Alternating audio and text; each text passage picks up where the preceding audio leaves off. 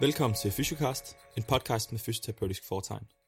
Fysiocast udgøres af Rasmus, Mathias og Nikolas. Her i december måned, der udgiver vi et afsnit hver søndag op til jul. Du lytter til det fjerde afsnit, som udkommer juleaftensdag. Vores adventskalender er nu slut, og det betyder, at der kommer til at udkomme et afsnit hver anden søndag fremover. Det næste afsnit er derfor klar til jer den 14. januar. Vi glæder os helt vildt. Hvis du sidder med en genial idé til, hvem vi skal have en snak med, så kontakt os på de sociale medier. Du kan finde os på både Facebook, Instagram og Twitter. Vi har i anledning af julen en mandelgave til jer alle sammen. Han hedder Henning Langberg. Henning vil fortælle jer om fremtidens fysioterapi og om innovation inden for fysioterapiens verden. Glædelig jul og rigtig godt nytår. Vi lyttes ved på den anden side. Vi har fået øh, Henning Langberg med i studiet. Henning, vil du ikke starte med at introducere dig selv? Jo, for det første vil jeg lige sige, at jeg er glad for at være her. Tak for invitationen. Jamen, øh, jeg hedder Henning Langberg og er øh, fysioterapeut oprindeligt.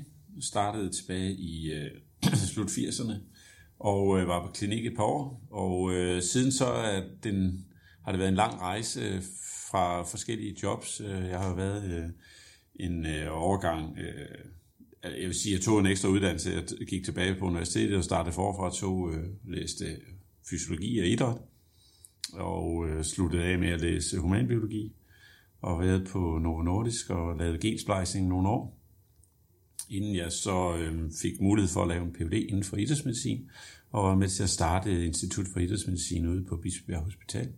Og der startede vi to personer i øh, tilbage i øh, øh slut øh, 90'erne, og jeg var der og skrev min Ph.D. og øh, specielt øh, fokuseret på senevæv og senevævs øh, reaktion på belastning og det kan man sige, det er også det, jeg har lavet mest inden for, for fysioterapiområdet. Der var jeg indtil jeg for fem år siden øh, fik en, øh, et professorat, søgte et professorat, søgte og fik et professorat i øh, rehabilitering øh, på Københavns Kommune. Øh, Københavns Universitet, øh, professoratet er betalt af Københavns Kommune.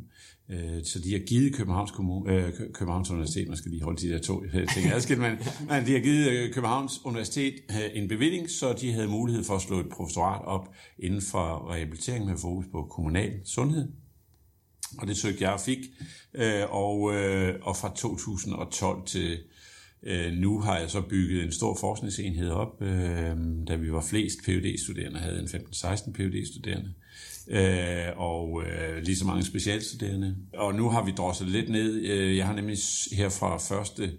maj sagt ja til en stilling som direktør for Copenhagen Health Tech Cluster, og det er det, vi er i dag. Så nu er jeg deltidsprofessor og fuldtidsdirektør.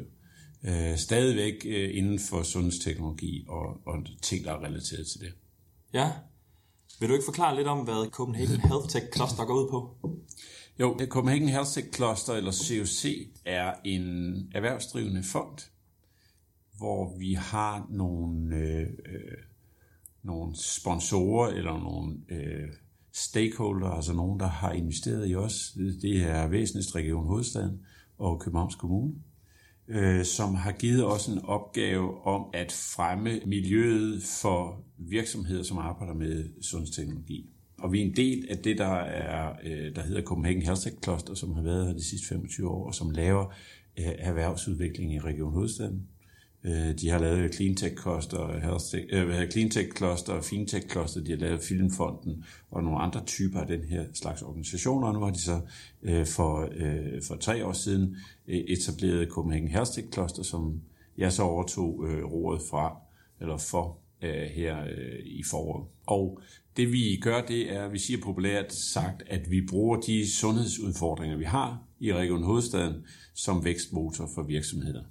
Og det gør vi, fordi vi siger, at hvis man kan være med til at løse de her øh, sundhedsudfordringer, som jo er ikke er regionale, men som er nationale og ofte internationale, så har man som virksomhed en god chance for både at lave forretning lokalt, men også at løfte sig ud af regionen og, øh, og eksportere sin løsning. Hmm. Har du et eksempel på et projekt, I har gang i?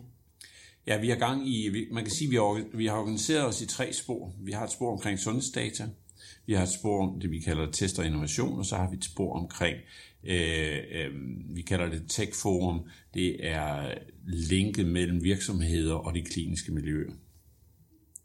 Og, øh, og på hver af de her tre spor har vi nogle indsatser. På sundhedsdataområdet har vi etableret en stor sundhedsdata taskforce med alle de store farmavirksomheder, altså Leo, øh, Novo, øh, Novartis, øh, Pfizer øh, og de store tech-virksomheder, øh, og så de store offentlige organisationer inden for det område, som er life science-området, som er danske regioner, øh, Region Hovedstaden, øh, hvad hedder det, KL er øh, med på sidelinjen, øh, nogle af de store, øh, hvad hedder det, arbejdsgiverforeninger er med, øh, Dansk Erhverv, og så, øh, hvad hedder det, Pharma, Dansk Pharma. Øh, vi har øh, Siemens med inden, vi har, så vi har en række af de her store øh, LIF, øh, der har vi også med ind. Øh, så vi har en række store virksomheder, en række store øh, organisationer, øh, og, og det der er målet med den her taskforce er at gøre adgangen til danske sundhedsdata lettere. Ja, i forskningsregi eller hvad? Forskningsregi har vi jo faktisk en model, det der hedder forskermaskinen, som fungerer meget godt, men virksomheder oplever, at de kan ikke få adgang til de her data, og vi oplever faktisk også, at bagsiden, altså bag ved de her firewalls, så kan det offentlige heller ikke få data til at strømme rigtig godt. Øh, kommunen kan ikke rigtig se de regionale data, og de regionale da- øh, spillere kan ikke se de kommunale data. Og når vi snakker om, at nogle af de store sundhedsudfordringer, vi ser i, i samfundet i øjeblikket, det er jo netop de her øh, forløb, som krydser øh, forskellige sektorer. Og der, der ser vi, der er en udfordring med at, at lade data følge patienten, sådan at, at man har den fulde indsigt i patientens forhold, eller borgeren, lige når man kommer ud i det offentlige, eller hvad det, i, det, i, i det kommunale område, så hedder det jo en borger, altså at følge borgerens data. Ja. Er det noget af det, man har prøvet at komme til livs med Sundhedsplatformen? Nej, det er det faktisk ikke. Man kan sige, at Sundhedsplatformen er etableret for at samle data op, øh, og man har selvfølgelig håbet, at Sundhedsplatformen på en eller anden måde kunne øh, samtidig være en, en adgang til data. Det er selvfølgelig inde i systemet, Øh, og, og man kan sige, at vi kunne bruge resten af det her program til at snakke sundhedsplatform. Det tror jeg ikke, vi skal gøre. Øh, og heldigvis står vi hverken på mål for det øh, eller noget. Men, men ideen med at samle data op giver jo mening, hvis data kan stilles til rådighed for dem, der har brug for det. Ja, helt klart. Øh, og, og det vi ser, så, så sundhedsplatformen har selvfølgelig nogle features, som kunne være gode i den forbindelse, men vi mærker også, at, at mange af de mindre virksomheder har svært ved at få deres data til at komme ind. Altså der findes ikke en indgang for data. Så det kan godt være, at man samler data op om, hvordan man bruger sin insulin, eller hvordan ens blodtryk er, når man er hjemme i eget hjem. Men de data kommer på en eller anden måde ikke ind i, i, i ens øh, sundhedsjournal. Okay. Øh, så det er det, virksomheden oplever som et kæmpe problem. Ja, så det lyder som om, at, at, at jeres projekter primært er rettet imod, øh, imod regionale og kommunale Ja, man kan sige, ja, det er, det er sådan set rettet mod øh, sundhedsvæsenet, der hvor sundhedsvæsenet er. Så hvis en virksomhed har en løsning, der kunne sælges, og nu snakker vi om det fysioterapeutiske område, kunne sælges mm. til en privat klinik og give mening der, så vil det være fint at håndtere det. Øh, og, og så vil vi også kunne hjælpe sådan en virksomhed øh, herfra. Ja, er der nogle af de øh, teknologier, firmaer, som I har haft med at gøre, som er blevet implementeret, som er blevet hjulpet på vej? At man kan sige, at vi, øh, øh, vi har nogle virksomheder, som, arbe- som vi arbejder med herfra.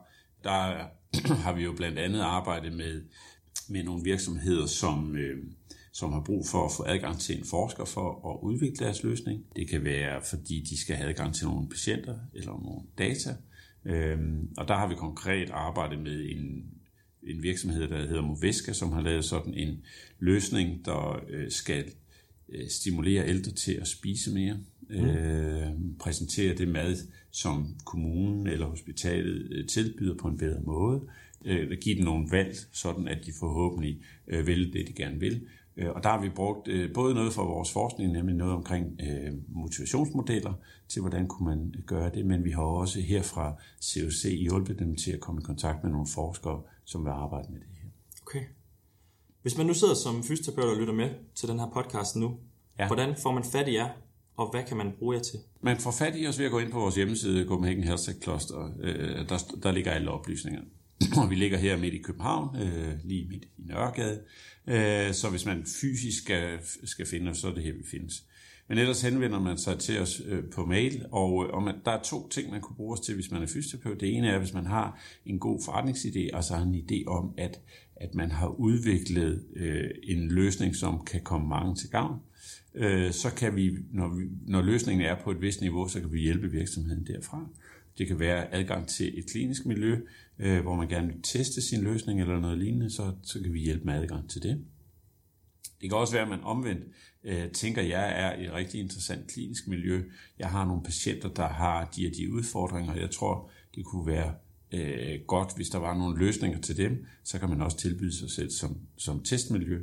Øh, og det vil sige, at man nu stiller sig til rådighed for, hvis der er en virksomhed, der har en, øh, en løsning til smertepatienter, og man arbejder meget med smertepatienter, så kan man måske være med til at udvikle den her løsning, eller måske afprøve en løsning, der er færdig, øh, på samme måde som hvis man havde nakkepatienter, eller, eller øh, akillesenpatienter, eller noget andet. Ja. Så. Mm. En af grundene til, at vi rigtig gerne vil snakke med dig, er jo, at du har et rigtig spændende syn på innovation inden for fysioterapi. Og jeg tror, at mange tænker ikke, at fysioterapi og innovation sådan umiddelbart hænger tæt sammen. Er det noget, vi skal ændre på, tænker du?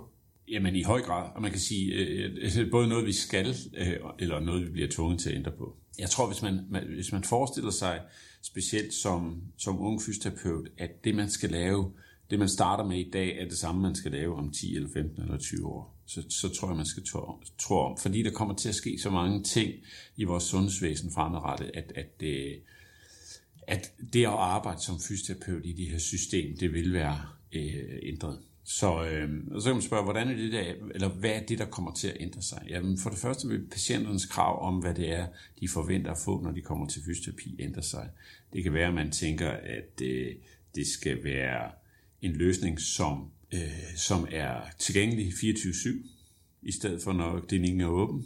Det kan være, at den skal være tilgængelig øh, øh, hvad hedder det, i forskellige versioner, alt efter hvordan jeg er. Altså for eksempel som rygpatient har vi jo en tendens til at være rigtig gode til at hjælpe rygpatienten, så længe de har ondt. Når patienten så ikke længere har ondt, så siger vi til dem, at øh, der er nogle øvelser her, dem skal du lave rest øh, af dit liv, og så får du ikke ondt igen. Og så ved vi jo godt, at det kommer ikke til at ske. For en meget lille del af, af patienterne laver øvelserne, og resten tænker, det kan jeg jo gøre ikke, når jeg får ondt igen. Og det er sådan et eksempel på, at fysioterapeuten på en eller anden måde slipper patienten på det tidspunkt, hvor smerten er væk. Øh, og med teknologi kunne man måske være til stede i patienten eller borgeren, fordi så er det jo ikke patienter mere, men, men, men borgerens liv øh, længere tid, og på den måde også både hjælpe borgeren, det kan være, at man skal have en, en fee, altså en, en, en betaling for at være til stede i borgerens liv, øh, og, og hindre det her, altså for, mere forebyggende karakter. Det kan også være, at man skal være tilgængelig lige når skaden er sket, øh, som med nogle råd omkring akut behandling, øh, hvad skal jeg selv gøre, hvad kan jeg gøre, hvad skal jeg have hjælp til at gøre fra andre. Så sådan kan det være. Man, man kan også sige det her med at gå til en fysioterapeut og få en diagnose. Jeg tror ret hurtigt, vi vil opleve, at patienter begynder at shoppe rundt, øh, og har været flere steder, når de kommer til fysioterapeuten. Enten har de været på nettet, og har en klar forestilling om, hvad de fejler, eller også så har de været hos andre fysioterapeuter.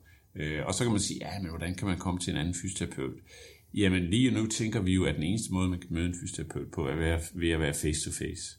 Men i fremtiden vil det måske være sådan, at man kan være der øh, via en skærm, at man kan lave nogle øvelser, at man kan sætte et eller andet på sig selv, som gør, at man kan mærke. Fordi man kan sige, at vores fag er jo unik på den måde, at, at man vil jo gerne have rør ved patienten og hvordan kan man gøre det med teknologi?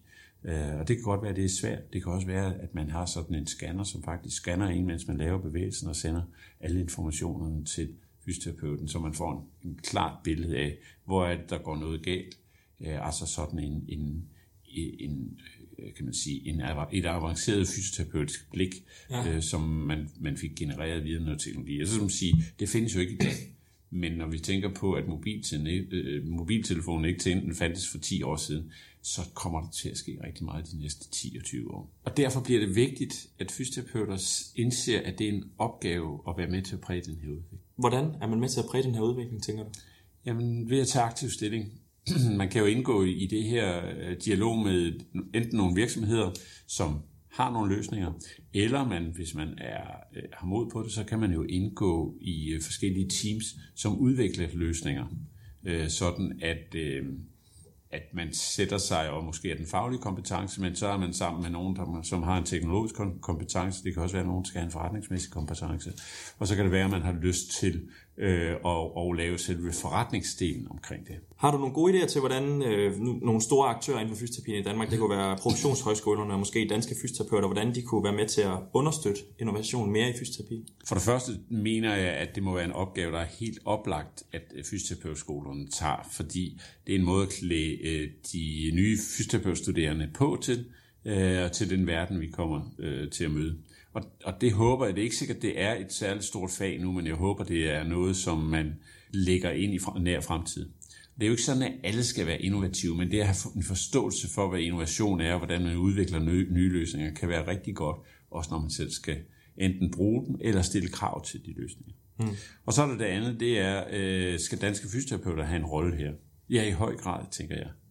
Jeg tænker i høj grad, fordi innovation kan også foregå på den måde, man organiserer sig, så det kan være omkring det organisatoriske, altså hvordan indretter man klinikker, hvordan skal de se ud i fremtiden, hvordan skal, hvilke tværsektorielle sammenhænge skal man indgå i, øh, og så videre, og så videre. Og det synes jeg, der er behov for. Der er nogen, der, der tænker nogle tanker omkring. Og der, der vil det være oplagt, danske fysioterapeuter tog, tog den rolle. Ja. Når vi så er kommet ud fra fysioterapeutuddannelsen, har du nogle gode råd til, hvordan man kan holde sig opdateret på, øh, på innovation og på teknologi, når man står som travl kliniker? Ja, men, men, men det er jo den udfordring, man har, når man tager kliniker, at, at man skal både, og, og, og det her skal jo passe på, at det ikke bliver øh, dårligt samvittighed, fordi man ikke får det gjort. Jeg vil sige, øh, det at holde sig opdateret, øh, det tror jeg, det, det er så, så at sige umuligt øh, fordi man skal både være opdateret på alle de kliniske guidelines, øh, på de nye, øh, den nyeste forskning, på evidens og så videre, og så skulle man også lige tage teknologien med. Sådan tror jeg ikke, man, man behøver at tænke det. Jeg tror bare, man skal sørge for øh, at være parat, når teknologien kommer. Øh, hvis man er rigtig dygtig kliniker, øh, så skal man tænke på, hvordan kan det her bidrage til at blive en endnu bedre kliniker. Og hvis, det ikke, hvis teknologien ikke kan det, så kan det være enten fordi man ikke har stillet de rigtige krav til den, øh, eller også at den simpelthen ikke er udviklet endnu. Mm. Så jeg tror, jeg tror man, skal, øh, man skal finde sine egne kanaler. Nogen kan lide at høre sådan en podcast, ja. nogen kan lide at se Soren Ding, øh, nogen kan lide at, og, hvad hedder det, læse lidt i øh, avisen, eller, og så er der nogen, som jo skal have øh, nye dimser til jul og til nytår, til fødselsdag osv., videre, som simpelthen ikke kan holde sig væk fra det. Ja. Har du nogle gode råd til, øh, til fysioterapeuter, som øh, gerne vil være med til at innovere? Øh, jeg vil sige, det kommer an på, på hvilket niveau man har lyst. Men altså, hvis man har lyst til at, at smage på det og, og se, hvad det er for noget, specielt hvis man er studerende eller netop nyuddannet, altså, så synes jeg, at man skal prøve at møde op til nogle af de der hackathons, som findes, som er sådan nogle 24 timer eller 56, eller hvor, hvor længe de er, forløb over en weekend, hvor man øh, får en opgave, og hvor man enten har man sit eget team med, eller også deltager man bare i et af de team, der er til stede, øh, omkring en eller anden form for opgave. Og så oplever man det der med at op og arbejde intenst omkring løsningen af et problem med forskellige fagligheder rundt om bordet. Og, og hvis man kan lide det, så bliver man fanget af det, og så vil man opsøge mere af det. Og så er der forskellige innovationsmiljøer. Der er jo dem, der er tilknyttet universitetet, der er dem, der er tilknyttet øh, Metropol, øh, hvor man kan gå over med sin, sin øh, gode idé eller sin gode energi øh, og deltage. Og der er mange, der tænker, jamen jeg skal have en god energi, eller jeg skal have en god øh, øh, idé, før jeg møder op. Men sådan er det ikke.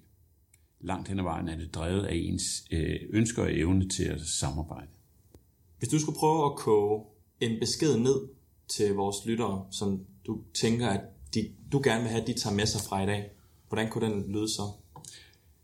Ja, men, men jeg synes, øh, at, at det man skal tænke på, det er, at man skal være åben over for, at der kommer til at ske rigtig, rigtig meget. Øh, så vær, vær åben over for, at teknologi kommer til at fylde mere, end det gør i øjeblikket. Vær med til at præge den, og så acceptere, at borgeren eller patienten bliver, bliver den faseliste, som vi skal bruge i forhold til, om det giver mening at bruge teknologi. Man skal ikke bruge teknologi for teknologiens skyld. Det skal være, fordi det løfter behandlingen eller løfter indsatsen over for patienten. Så, så, og det må man have som sådan en lakmustest, hver gang man, man ser ny teknologi. Det lyder rigtig godt, Henning. Tusind tak, fordi du vil være med. Det var så lidt, og god fornøjelse.